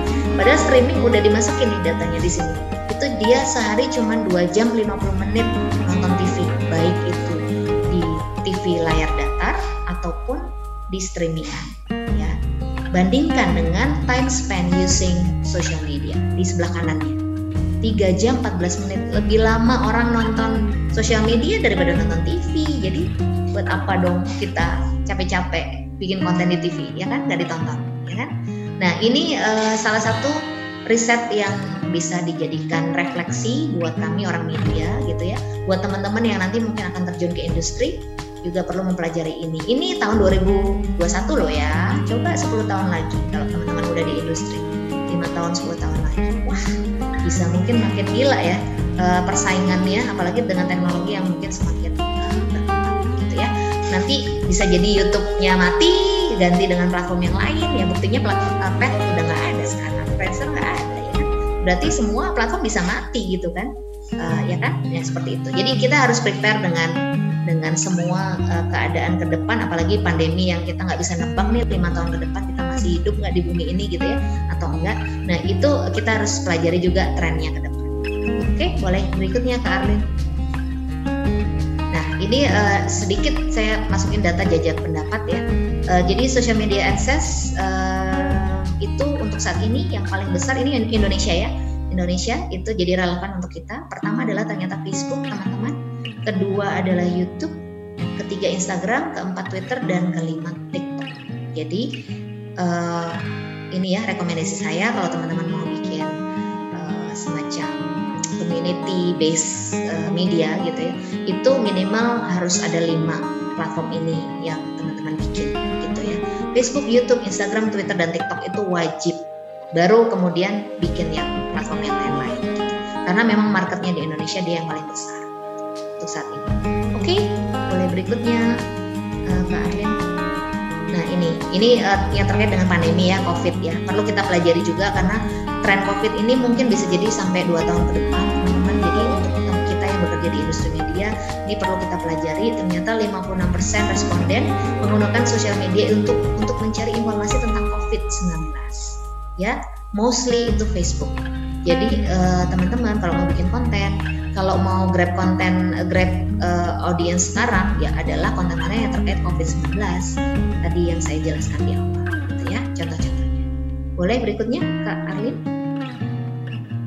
Ya ini uh, juga riset tapi ini dari uh, Inventure ya Alpara Research Consulting dia entertainment matters during pandemic ya jadi memang ternyata di saat pandemi ini striking kita memang butuh hiburan ini media yang paling menghibur menurut respondennya. Pertama YouTube, kedua Twitter, eh, Instagram, ketiga WhatsApp, uh, keempat Facebook, kelima TikTok dan baru terakhir Twitter. Mungkin Twitter banyakkan berita-berita menyedihkan ya. Jadi orang pada pada lari dari Twitter. Di saat pandemi mereka lebih suka ke YouTube gitu. Nah, selama pandemi YouTube dan sosial media seperti Instagram uh, menjadi media yang paling menghibur untuk ini bisa juga topik konten yang mereka sukai ya, hiburan, berita, olahraga, bisnis, hobi dan lokal. Bisa juga dijadikan referensi. Ini saya share ya uh, apa uh, slides-nya jadi nanti bisa di-share ke teman-teman mahasiswa. Boleh berikutnya Kak Arlin. Sudah, terima kasih. Jadi uh, sementara itu dulu informasi yang bisa saya sampaikan. Teman-teman berikutnya bisa langsung Q&A aja ya. Jadi kalau ada yang mau ditanyakan silakan. Baik, terima kasih uh, Mbak Jati atas penjelasannya. Tadi sudah jelas uh, sekali uh, ranah kita seharusnya fokusnya sudah di mana dan apa yang harus kita lakukan. Mungkin untuk mahasiswa nih yang memang uh, saat ini sudah pelajari beberapa produksi, mungkin produksi uh, televisian, radio dan juga sosmed sekarang sudah mulai uh, fokus bagaimana cara mereka bisa ngembangin uh, diri mereka untuk coba hal-hal uh, yang baru seperti ini mungkin uh, sosmed atau mungkin uh, online media ini merupakan salah satu yang baru nih uh, Mbak Jati. Uh, mulainya dari mana nih Mbak? Harus harus seperti apa lah? Ya, benar. Oke. Okay. Uh, berarti ini buat teman-teman yang first timer aja ya dulu ya, gitu ya. Uh, kalau untuk teman-teman belum kepikiran mau bikin kreatif konten mulai dari mana saran saya pertama adalah mulai dari hal yang anda sukai dulu. Jadi teman-teman tuh suka apa sih? Kalau suka otomotif ya coba bikin konten soal otomotif. Platformnya bisa macam-macam mau pakai Instagram pribadi boleh. Misalnya uh, sekarang baru punya Instagram sama YouTube aja nih. Aku nggak main Facebook karena itu Facebook mainan orang tua misalnya gitu. Gak apa-apa gitu. E, coba aja mulai di Instagram dan YouTube yang memang kalian sudah sehari-hari pakai gitu ya. Jadi mulai dengan platform yang teman-teman sehari-hari sudah pakai, teman-teman sudah mengenali fitur-fiturnya, sudah jago bikin reels gitu ya. Maka bikin mulai mulai dari situ yang yang teman-teman sukai. Kalau ada yang suka dandan, maka bikin tutorial makeup. Uh, ada yang suka masak, bikin tutorial uh, cooking gitu. Ada yang suka uh, berita, maka bikin misalnya berita dalam lima detik gitu misalnya lima detik berita dalam satu menit gitu misalnya. Nah itu uh, slide-slide berita seperti itu mungkin menarik. Nah teman-teman bisa jadi uh, orang yang uh, membuat berita itu lebih mudah dimengerti untuk untuk rekan-rekan yang lebih muda usianya misalnya kayak gitu. Jadi menurut aku sih itu harus mulai dari yang disukai dulu dan platform yang memang sudah sudah teman-teman kenali ya gitu. Karena kalau mau pakai platform yang baru lagi kan ada effort untuk mempelajari platformnya okay, thank you Mbak Jati atas uh, penjelasannya. Mungkin teman-teman yang lain nih yang tadi sudah uh, mendengarkan sedikit uh, kurang lebih uh, langkah-langkahnya seperti apa. Kemudian kita tuh kalau jadi mahasiswa ya mungkin uh, targetnya adalah setelah lulus akan langsung bisa berkarya gitu ya baik mungkin uh, teman-teman mau berkarya di uh, uh, apa ya bidang penyiaran broadcasting atau mungkin teman-teman yang mau mencoba hal baru untuk menjadi content creator. Mungkin mau tanya tips and triknya cara cara mendapatkan engagement dengan uh, para viewersnya seperti apa nih? Kalau dari sisinya uh, Mbak Jati sendiri gimana cara kita bisa mendapatkan engagement uh, di sosial media nih Iya benar. Itu uh, memang paling banyak ya ditanyain karena memang itu PR juga buat kami yang bekerja di media saat ini uh, karena KPI kita juga sekarang udah interaktivitas ya engagement. Uh, maka caranya adalah memang melakukan hal-hal yang sederhana seperti tadi tips dan trik yang saya sampaikan ya. Uh, untuk uh, menggali yang namanya interaktivitas maka kita harus ada pembicaraan gitu ya harus ada conversation antara saya dengan follower saya gitu antara teman-teman dengan followers yang Nah, pembicaranya tuh mau apa? Mau di-create atau mau sesuatu yang natural itu boleh, bebas. Kalau mau yang sesuatu yang natural ya dari sehari-hari aja. Kegiatan sehari-hari kita kan kadang kita suka posting misalnya posting selfie kita gitu ya atau posting kondisi kita lagi nggak nggak enak badan gitu ya misalnya kita worry nih mau uh, nanti kalau misalnya kena covid seperti apa. Nah, coba uh, tanyain aja ke followersnya teman-teman. Teman-teman ada yang tahu nggak sih di mana aku harus periksa misalnya karena lokasi rumahku misalnya jauh dari uh, klinik atau jauh dari mana. Nah, aku perlu kontak ke siapa nih gitu ya. Nah nanti misalnya di komen itu biasanya akan akan muncul satu persatu orang-orang yang pastinya care sama teman-teman kan akan nge-share info info-info yang mereka dapetin sebelumnya. Mungkin ada keluarga anggota keluarganya dia yang memang pernah kena covid akhirnya dia share tuh pengalaman uh, dia merawat anggota keluarganya yang covid. Nah oke okay, kamu bisa uh, cek di aplikasi ini. Misalnya nanti dapat kiriman obat uh, langsung gratis kok dari pemerintah misalnya kayak gitu. Nah uh, itu yang perlu dipancing adalah pembicaraan itu supaya pembicaraan itu terus mengalir. Karena kalau pembicaranya terus mengalir dia akan akan banyak engagementnya gitu. Karena uh, yang dihitung dalam engagement itu ada tiga ya kalau di sosial media. Pertama likes comments sama share gitu. Jadi kalau semakin banyak orang like uh, postingan kita, maka engagementnya semakin tinggi. Semakin banyak orang komen di, di uh, postingan kita, maka engagementnya makin tinggi. Dan semakin banyak orang yang nge-share postingan kita, maka itu value engagementnya makin tinggi.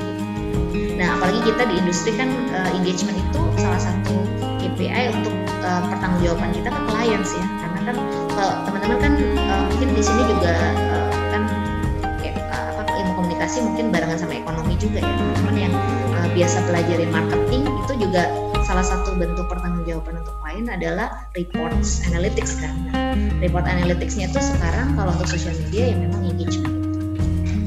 Begitu caranya. Bisa mancing-mancing dengan quiz tadi juga bisa.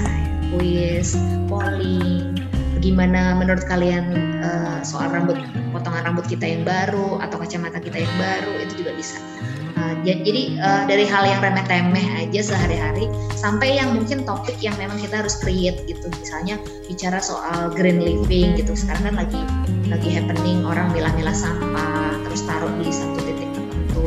Nah, uh, kalau kalian punya interest di situ di green living bisa create konten spesifik ke green living. Nanti uh, jadi uh, teman-teman itu bisa diasosiasikan dengan konten-konten yang green living gitu. Oh, uh, Kak Arlin misalnya, Kak Arlin uh, ternyata uh, ini ya sangat concern sama green living ya. Jadi kalau aku pengen tahu informasi apa pun tentang green living, aku tanyanya ke Kak Arlin gitu. Jadi itu adalah positioning yang pas juga untuk di sosial media. Gitu. Jadi influencer oh. green living gitu. Itu ya Kak Arlin. thank you uh, Mbak Jati atas penjelasannya. Nah mungkin teman-teman yang lain nih yang masih penasaran atau mungkin ada yang mau ditanyakan lebih sifatnya nggak perlu sebenarnya sharing ini nggak perlu kita harus bikin karya yang uh, gimana-gimana ya Mbak yang penting kita coba pelajari dulu uh, ilmunya seperti apa gitu ya cara kita create uh, uh, creative design seperti apa dilempar ke sosmed dan respon dari uh, netizennya gitu baru kita ya bisa lihat marketnya uh, targetnya tuh siapa-siapa aja gitu. Iya, Sama mungkin ini kali ya uh, Mbak Jati. Kan sekarang ini kan Instagram fiturnya banyak sekali ya. Mungkin itu yang bisa kita maksimalin kan ya kalau untuk ya anak-anak anak-anak zaman sekarang yang pegangannya Instagram tuh ada real sekarang kemudian dari fitur Instagram sendiri juga banyak banget uh, ada polling dan lain sebagainya itu semua bisa dimaksimalkan. Iya benar. Nah teman-teman juga kalau mau tanya hal-hal yang mungkin nggak harus spesifik terkait tentang creative content production ya kalau mau soal media juga boleh. Mungkin siapa tahu aku bisa sharing-sharing pengalaman di saat aku bekerja di media gitu ya. Di sini juga ada Kak Indra juga yang bisa saling uh, sharing tentang itu. Boleh. Uh, atau tertarik mau bikin konten spesifik tentang apa gitu ya yang yang mungkin uh, belum nemu partner untuk diskusinya gitu boleh juga sih Ini mungkin uh, teman-teman tidak perlu uh, malu-malu langsung open mic-nya saja. Eh, eh Cak, Cak, mana tuh? Tadi udah uh, unmute tuh. Oh, nggak sengaja tapi ya sudah. Uh, saya sih ada semacam pertanyaan abstrak begini. Jadi uh, terutama di dunia uh, kreasi konten di YouTube itu udah bukan masalah uh, masalah kreasi konten yang original, semuanya remixan, nggak ada yang original. Ya, Kita ambil satu konsep terus mengadaptasi dengan style kita sendiri. Tapi sejauh apa kita bisa meremix itu sampai uh, penonton atau netizen menyadari bahwa kita essentially curi ide. ya, ya. Pertanyaannya bagus banget. Ini uh, nama panggilannya siapa? G aku baca Gerardo Stefanus Cesario. Uh, Iya. Nama Eca. Eca. Eca. Eca, oke. Halo. So, what's wrong with your camera, Eca? Uh, oh ya, lagi perbaiki. Pertanyaannya bagus dari banget. tadi. Ya Betul, pertanyaannya bagus banget Eca dan ini juga kalau nggak salah aku pernah sharing juga waktu kita bahas soal digital broadcasting ya terkait dengan YouTube juga Eh, karena sebenarnya original konten itu yang sekarang itu gold ya paling banyak dicari orang itu sebenarnya original konten. Kalau halo Eca, iya akhirnya ketemu juga Eh, lihat ini lihat langsung. Oke, jadi eh, memang benar ketika kita di YouTube ya eh, mungkin aku kasih contoh aja di saat kita sebagai eh, orang yang ada di industri media ya. Kami itu contohnya Metro TV, Metcom ID itu kami kan official partner YouTube dan official partner YouTube memang mungkin tidak semua partner mendapat gitu ya. Eh, tapi kita mendapat fitur khusus namanya itu konten ID jadi konten ID itu eh, fungsinya adalah untuk melacak ya. Dari situ akan ketahuan ada konten-konten kita gitu ya yang dipublish oleh eh, orang-orang di luar sana mau siapa pun itu mereka eh, konten kreator atau bahkan orang-orang yang sekedar iseng ya gitu ya. Ngambil-ngambil cuplikan-cuplikannya tayangannya Metro TV gitu ya. Ngambil cuplikan tayangannya Medcom gitu ya. Kemudian mereka jahit sedemikian rupa kemudian mereka publish di akun pribadi mereka. Dengan tujuan untuk biasanya untuk mencari keuntungan ya karena di YouTube kan sekarang udah dimonetize. Nah itu eh, kami punya engine-nya gitu ya. Itu fitur yang diberikan khusus oleh YouTube untuk news publisher Memang tidak semua news publisher tapi eh, karena kita punya kita bisa mendeteksi itu. Eh, bahwa ada konten kita yang diduplikasi. Ketika ada konten yang diduplikasi maka pilihannya itu adalah kita bisa pertama take down ya. Kita bisa men take down itu. Take down itu benar-benar kita delete jadi dengan kita dengan semena-mena kita take down karena memang itu milik kita gitu ya. Copyright-nya adalah milik Medcom itu bisa pilihan satu. Pilihan kedua adalah kalau kita untuk apa untuk poin keuntungan gitu ya. Karena ini kan monetisasi ya. Ketika kita ingin monetisasi dan kita pengen oh ya udahlah biar passive incomeku lebih banyak gitu ya eh, bisa juga kita tarik monetisasinya. Jadi eh, yang dimonetize oleh oleh orang itu si pencuri konten itu ya dalam tanda kutip ya itu kita bisa tarik monetisasinya. Monetisasinya nggak masuk ke rekeningnya dia tapi masuk ke rekeningnya kita karena copyright itu milik kita. Gitu. Itu bisa ini eh, aku jelaskan yang based on content ID ya. Karena kita punya fitur khusus gitu untuk menjaga itu. Karena ketika kita eh, kita mau take down semena-mena kita langsung take down juga bisa gitu ya. Misalnya contohnya pernah juga kita lakukan seperti itu kita mau semena-mena take down. Kenapa? Lebih karena soal uh, biasanya tuh kita ada pertimbangan image ya brand image-nya perusahaan kita kita nggak mau dong konten kita yang rapi serapi-rapi itu udah kita create sangat sedemikian rapi. Tiba-tiba dicuri dalam tanda kutip oleh orang dan di create sedemikian rupa dia tambahin efek lah dia tambahin apa biar kesannya lucu gitu. Tapi kemudian uh, kita khawatirnya itu mendegradasi uh, brand image kita. Maka uh, karena kita khawatir itu akan jelek untuk uh, reputasi, reputasi perusahaan maka kita langsung take down. Itu bisa tapi bisa juga kita flagging gitu ya jadi flagging tuh uh, kita kasih komplain lah gitu ya ke melalui platform pastinya ke YouTube. Nanti si orang yang mencuri itu akan dapat notifikasi ketika dia di flagging maka dia uh, sekian kali itu bisa kena strike. Kalau di YouTube, kalau teman-teman mungkin yang youtuber di sini ya, ada yang youtuber di sini, itu uh, teman-teman kalau uh, udah kena strike tiga kali itu akan hilang akunnya ya. Jadi otomatis akan hilang dari dunia YouTube gitu. Jadi bayangin kalau kalian udah udah build follow apa subscribers kalian sampai jutaan, terus tiba-tiba karena kena strike nggak lucu gitu kalau akunnya hilang dan mereka nggak akan bisa uh, menyelamatkan itu gitu nggak ada istilahnya banding lagi gitu. jadi harusnya satu kali strike ya atau teguran maka teman-teman harus harusnya nih ya konten kreator tuh nyadar bahwa oh saya melakukan kesalahan jadi jangan sampai saya nyolong konten lagi gitu jadi di kemudian hari jangan sampai nyolong konten memang sih banyak yang bandel dan uh, netizen Indonesia plus 62 itu sangat-sangat kreatif ya. Kemudian mereka gimana caranya supaya selamat dari jaring-jaring aturan main ini gitu kadang-kadang ya. Masih ada aja berusaha untuk melarikan diri. Jadi mereka gimana caranya audionya diubah sedikit biar kayak bebek gitu ya misalnya. Supaya nggak mirip dengan audio aslinya. Terus dipotongnya tuh berapa berapa per berapa menit dipotong gitu ya tipis-tipis gitu dipotong. Terus diolah lagi pakai gambarnya dia sendiri. Ada aja sih konten kreator yang seperti itu dan mereka mungkin punya waktu untuk melakukan itu ya. Tapi uh, itu aku yakinkan nggak akan bertahan lama. Karena uh, orang itu ya di dunia kreatif ya di dunia kreatif itu kan yang paling penting originalitas. Ketika dia hanya copycat aja ya orang satu industri akan tahu oh dia bisanya cuma doang ya gitu. Kan ini aslinya campaign ini yang bikin si TV ini bukan TV ini gitu. Nah, jadi kalau TV lain itu nyontek doang itu akan ketahuan. Jadi uh, ya ini akan buruk untuk image kita juga sebagai kreator gitu. itu aja sih. Jadi kalau teman-teman mau jadi seorang yang baik ya. Ya pastinya uh, bikin konten original punya kita sendiri gitu ya. Dan ketika kita punya originalitas itu akan datang sendiri followers sama subscribers gitu. Jangan khawatir karena mereka tahu kalau mau cari konten yang ini pasti adanya di akunnya Eca gitu. Nggak ada di akun yang lain gitu. Jadi uh, itu yang kita penting ya originalitas.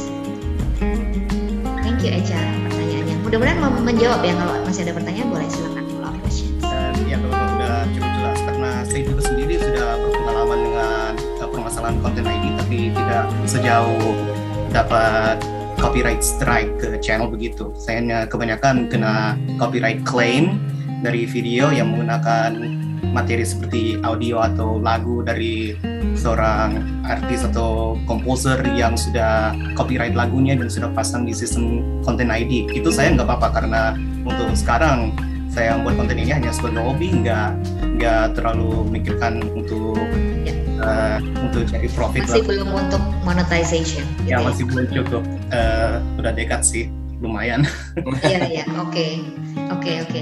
Iya benar. Biasanya itu kalau audio makanya teman-teman hati-hati ya kalau create konten di YouTube uh, pakai audio yang free audio aja. Di YouTube kan sudah ada gitu ya uh, backnya gitu jadi ambil dari situ aja itu yang paling aman jangan sampai kita uh, pakai lagu-lagu milik orang lain nggak yakin copyrightnya punya siapa tiba-tiba kita kena strike itu bahaya aja sih buat akun kita gitu. Nah uh, juga selain itu ya perlu diperhatikan diperhatikan itu tadi konten-konten yang mana yang bisa kita create sendiri, mana yang enggak. Gitu. Kalau enggak ya jangan jangan berani-berani bikin-bikin konten dari yang lain-lain deh gitu karena uh, khawatirnya uh, kayak misalnya kalau musik gitu ya itu biasanya suka ada label ya. Kayak universal label atau apa. Mereka sudah punya copyright uh, yang bisa mereka mainkan. Takutnya teman-teman akan bisa kena legal sue gitu ya. Kalau sampai ada sue uh, ya udah bye deh masuk deh ke pidana gitu ya. Kalau udah di uh, pidana kita akan sulit berkelit ya. Apalagi kalau nggak punya bukti bahwa itu memang copyright kita jadi lebih baik hati-hati sih oke okay? thank you Echa Ya, kasih. Oh, dan satu pertanyaan lagi. Itu untuk dari copyright holder untuk memasang uh, konten mereka ke dalam uh, sistem konten ID itu untuk proses copyright strike itu dilakukan secara manual atau otomatis dari sistemnya sendiri? Ya, kalau strike itu dari sistem YouTube-nya sebenarnya. Jadi um, aku nggak hafal detailnya mereka itu berapa kali flagging ya. Jadi berapa kali flagging baru kena strike gitu. Tapi ada juga yang satu kali flagging langsung kena strike. Biasanya sih yang kasusnya itu memang berat ya. Seperti contohnya ya dia ngambil lagu gitu. Yang copyrightnya milik label gitu. Biasanya itu bisa langsung kena strike satu kali. Gitu. nah untuk cara ngangkat strike-nya ya nggak bisa sebenarnya. Karena ya bahkan istilah kata itu kita yang official partner aja belum tentu kita bisa banding gitu karena ketika sudah kena strike ya udah langsung gone. Kan banyak itu yang kasusnya sampai hilang akunnya karena udah tiga kali strike. Dan akhirnya mereka bikin akun baru kan terpaksa bikin akun baru. Gitu. Itu by system oleh YouTube sih biasanya. Nah, saya juga ada beberapa konten di YouTube juga. Uh, saya mengambil materi dari beberapa uh, channel news, mengambil klip dari videonya untuk bisa menggambarkan situasi lah begitu. Andai kata, uh, andai kata saya buat video tentang COVID-19, jadi saya mengambil beberapa klip dari stasiun televisi yang bahas tentang berapa banyak jumlah kasus COVID di daerah ini, total di Indonesia, supaya bisa uh, menciptakan uh, suasana yang tegang begitu untuk penontonnya itu itu harapnya itu masih bisa masuk dalam fair use karena kita membuat sebuah konten yang transformatif dan kita tidak hanya mencuri saja klip dari stasiun televisi itu hanya untuk repost misalnya. Ya, ya. Kalau saran aku sih mungkin gini ya, eh, terutama kalau mau bikin konten yang terkaitnya terkaitnya dengan uh, running news gitu ya. Running news itu kan kita memang butuh riset biasanya. You need to do research right before you create something. So uh, harus dibikin dulu pointers-pointers risetnya. Nah riset itu bisa ngambil dari mana aja sebenarnya risetnya ya. Jadi di summarize, setelah summarize baru bikin uh, infografis atau mau bikin cuplikan. Nah, tapi kalau cuplikan pastikan itu video milik sendiri, bukan video milik televisi atau karena televisi yang punya konten ID ya pasti berbahaya kan buat kita yang konten kreator yang baru ini. Jadi seperti itu kira-kira. Jadi diusahakan memang uh, visual audio visualnya itu kita sendiri yang bikin. Misalnya bikin ilustrasi kan bisa. Jadi nggak harus misalnya COVID-19 di di satu daerah di Jawa Tengah gitu kan kita nggak mungkin dari Jakarta traveling ke Jawa Tengah untuk ngambil gambar itu ya gitu kan Nah, bikin aja ilustrasi pakai peta, kan bisa. Nah, kamu bi bisa bikin uh, peta infografis gitu, peta Jawa Tengah, kemudian di zoom in kan bisa gitu. Jadi sebisa mungkin uh, semua konten, semua elemen dalam kontennya adalah asli atau original punya kita sendiri. Itu sih sarannya. Oke, okay, nanti diusahakan. Iya, thank you ya Echa. Good luck ya. Good luck with your content. Ya, daripada tiba-tiba hilang cak akun lo sayang. Itu mahasiswa nah. Ebnu Yufriadi kayaknya mau nanya.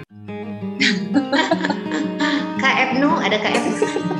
Hai Kak Beno. apa kabar Kak Beno? Sehat ya? Enggak salam buat Bu Jati saja Mbak Jati. Tetanggaan. Ini sambil ini sambil tetangga tapi nggak ketemu ya masih sering naik sepeda aku sama istrinya dengan fotonya Mbak Jati. Iya, iya. Oke, oke. Silakan. Siap. Oke, mungkin uh, Mbak Jati aku mau nanya nih, mumpung tadi lagi omongannya lebih ke konten dan ya tadi ada ada bahas soal YouTube. Sebenarnya dari seluruh sosmed itu yang paling uh, dikejar itu adalah YouTube karena mungkin ada monet, uh, monetize ya uh, Mbak Jati ya. Tapi mungkin ada peluang lainkah sosmed-sosmed yang lain bisa menghasilkan uh, jatuhnya ya kalau mungkin kita tuh komersil gitu ya bisa menghasilkan uh, pendapatan gitu untuk bisa berkarya lebih luas lagi. Iya dong, bisa banget. Justru ini nih yang menurut aku ya teman-teman mahasiswa sekarang itu uh, bisa ya caranya salah satunya adalah memaksimalkan penghasilan tambahan gitu ya melalui sosial media. Karena sosial media kan sangat dekat dengan kehidupan sehari-hari teman-teman gitu ya. Kalau YouTube itu kan memang dia platform yang monetisasinya udah open for public gitu ya untuk masyarakat biasa gitu ya eh, teman-teman mahasiswa bisa eh, manfaatkan itu. Asal udah 1000 subscribers dengan jam tayang kalau nggak salah 40 ribu jam ya itu teman-teman udah otomatis bisa memonetize gitu ya. Itu YouTube. Nah kalau platform lain platform lain itu sebenarnya ya kalau kami yang di media itu kami sudah memonetize beberapa platform lain. Tapi memang itu uh, belum di open for public kayaknya ya. Kita uh, bisa memonetize Facebook dan Twitter juga gitu. Itu untuk di media. Makanya kita sekarang yang kita monetize adalah selain YouTube Facebook Twitter juga bahkan TikTok juga menuju ke monetisasi yang uh, istilahnya itu in platform monetization ya. Beda dengan uh, kalau kita build in content ya beda ya. Jadi kalau in platform monetization itu adalah sistem monetisasi yang disediakan oleh platformnya supaya kita seorang konten kreator itu bisa mendapatkan ya hasil jerih payah lah gitu ya saling berbagi hasil. Biasanya sih uh, persentasenya 55 45 betul ya Eca Eca kan yang biasa di YouTube itu 55% untuk uh, konten kreator 45% untuk YouTube uh, biasanya itu pembagian uh, sharing revenue-nya seperti itu Nah kalau yang platform-platform yang, yang lain itu bisa beda-beda gitu ya. Tapi nanti uh, aku sih yakin untuk ke depannya mungkin Facebook dan Twitter akan dibuka juga untuk publik untuk masyarakat biasa, tidak hanya news publisher. Kalau news publisher emang kita sudah monetize Facebook dan Twitter. Nah itu yang namanya in platform monetization. Tapi di luar itu teman-teman bisa kok teman-teman mahasiswa ini makanya uh, teman-teman perlu meningkatkan aset digital ya. Aset digital pribadi itu penting ternyata gitu ya. Kenapa? Karena kita bisa untuk menambah penghasilan juga gitu lewat situ gitu. Teman-teman mahasiswa bisa bikin misalnya kalian mau bikin satu akun tentang yang tadi aku sekali lagi contohin uh, tutorial makeup gitu misalnya ya uh, satu akun khusus tutorial makeup isinya. Jadi kalian bikin konten tuh tutorial makeup terus ini ada temanku juga yang suka dandan gitu ya. Dia manfaatin semua alat makeup yang murah meriah hore di bawah 50 ribu tapi lo bisa tampil kayak Kendall Jenner gitu misalnya gitu ya. Jadi uh, bener-bener gimana caranya bikin konten yang spesifik mereka butuhkan gitu ya. Uh, sekarang aku lagi pandemi lagi susah nih duit gitu ya. Jadi gimana caranya aku pakai makeup yang murah meriah hore tapi tampilnya bisa bagus gitu. Nah uh, teman-teman bisa meningkatkan aset digital tuh dengan cara seperti itu bikin bikin konten yang tadi ya sesuai dengan kesukaan terus mungkin niche gitu temukan niche-nya di mana. Nah setelah itu baru uh, apa perbanyak activity-nya. Jadi activity digitalnya untuk memancing engagement mereka supaya mereka kalau mereka suka mereka follow. Kalau mereka nggak suka mereka unfollow kan? Jadi diusahakan supaya mereka selalu suka dengan konten kita dan mereka engage gitu jadi sekarang uh, kalau kalau kita mau jualan tuh di market di agency ya uh, ini aku bocorin sedikit di soal industri media. Kalau kita mau jualan ke agency itu patokan clients itu dia nggak hanya followers atau subscribers, mau followersnya jutaan ya atau subscribersnya jutaan, kalau engagementnya kecil dia nggak akan dibeli oleh produk, nggak akan dibeli oleh brand gitu. Jadi brand itu maunya yang engagementnya tinggi. Makanya kalau di sosial media ya kita harus uh, pertama memperbesar aset digital. Biasanya kalau followersnya gede kecenderungannya engagementnya gede kecenderungan tapi belum tentu selalu berbanding lurus. Jadi uh, pertama tinggalkan dulu inggi, uh, apa, aset digitalnya digedein dulu. Setelah gede aset digitalnya tingkatkan engagement. Setelah itu baru kita bisa kasih red card gitu loh. Jadi uh, kita punya kita sebagai influencer nih kan sekarang udah banyak kan selebgram uh, seleb tiktok gitu ya yang mainnya itu built in content jadi dia bukan in platform monetization, tapi mereka jualan uh, eh, B2B gitu ya. Jualan dari business to business, jualan dari aku sebagai content creator dengan brand. Jadi aku langsung dikontak sama brand, brand tuh mau pasang ke aku karena followers tuh gede, engagement tuh gede. Mereka langsung pasang ke kita, lumayan loh red cardnya yang termurah uh, teman-teman bisa bikin red card sendiri. Jutaan rupiah per satu kali posting. Bisa dibayangin ya Atta Halilintar sekali dia mention satu brand aja itu bisa miliaran gitu. Nah itu makanya uh, menurut aku caranya adalah seperti jadi perbanyak besar dulu aset digitalnya per uh, tingkatkan engagementnya baru kemudian keluarin red card. Itu kalau brand ada yang tertarik dengan kita. Kita bikin kontennya harus konsisten dan serius deh. Original pastinya original gitu Kak Arlin. Mudah-mudahan menjawab ya teman-teman. Kalau mau bahas soal aspek bisnisnya juga boleh loh di follow up question aja. Ya mungkin nih teman-teman yang ini uh, setelah dari webinar ini uh, Mbak Jati mereka akan jadi content creator karena mereka udah tahu triknya ya, dari uh, temanku ada yang aduh di TikTok tuh dia udah gila-gilaan sih iklan yang mau pasang di dia karena tutorial makeup ya. Jadi brand-brand makeup itu pada pasang gitu ke dia juga. Jadi ya udah nggak perlu rata-rata sekarang orang nggak kerja formal lagi ya apalagi pandemi gini jadi dia jadi konten kreator dan semua peralatan yang ada di rumah itu bisa dipakai gitu kan. Saya aja kemarin habis karena pandemi saya nggak siaran radio di studio karena saya agak khawatir apa uh, penularan covid. Jadi saya rekam semua audio tuh di rumah cuma pakai handphone tuh handphone aja.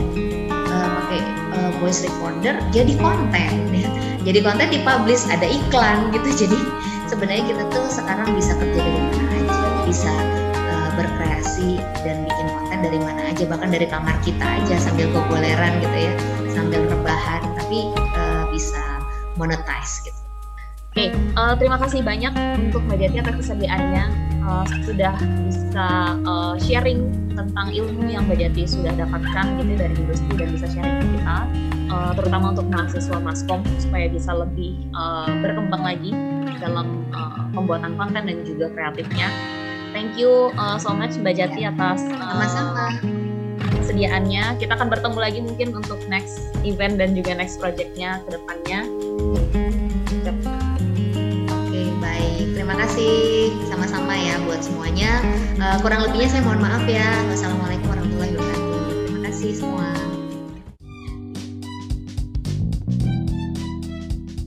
From Jurusan Komunikasi Binus University.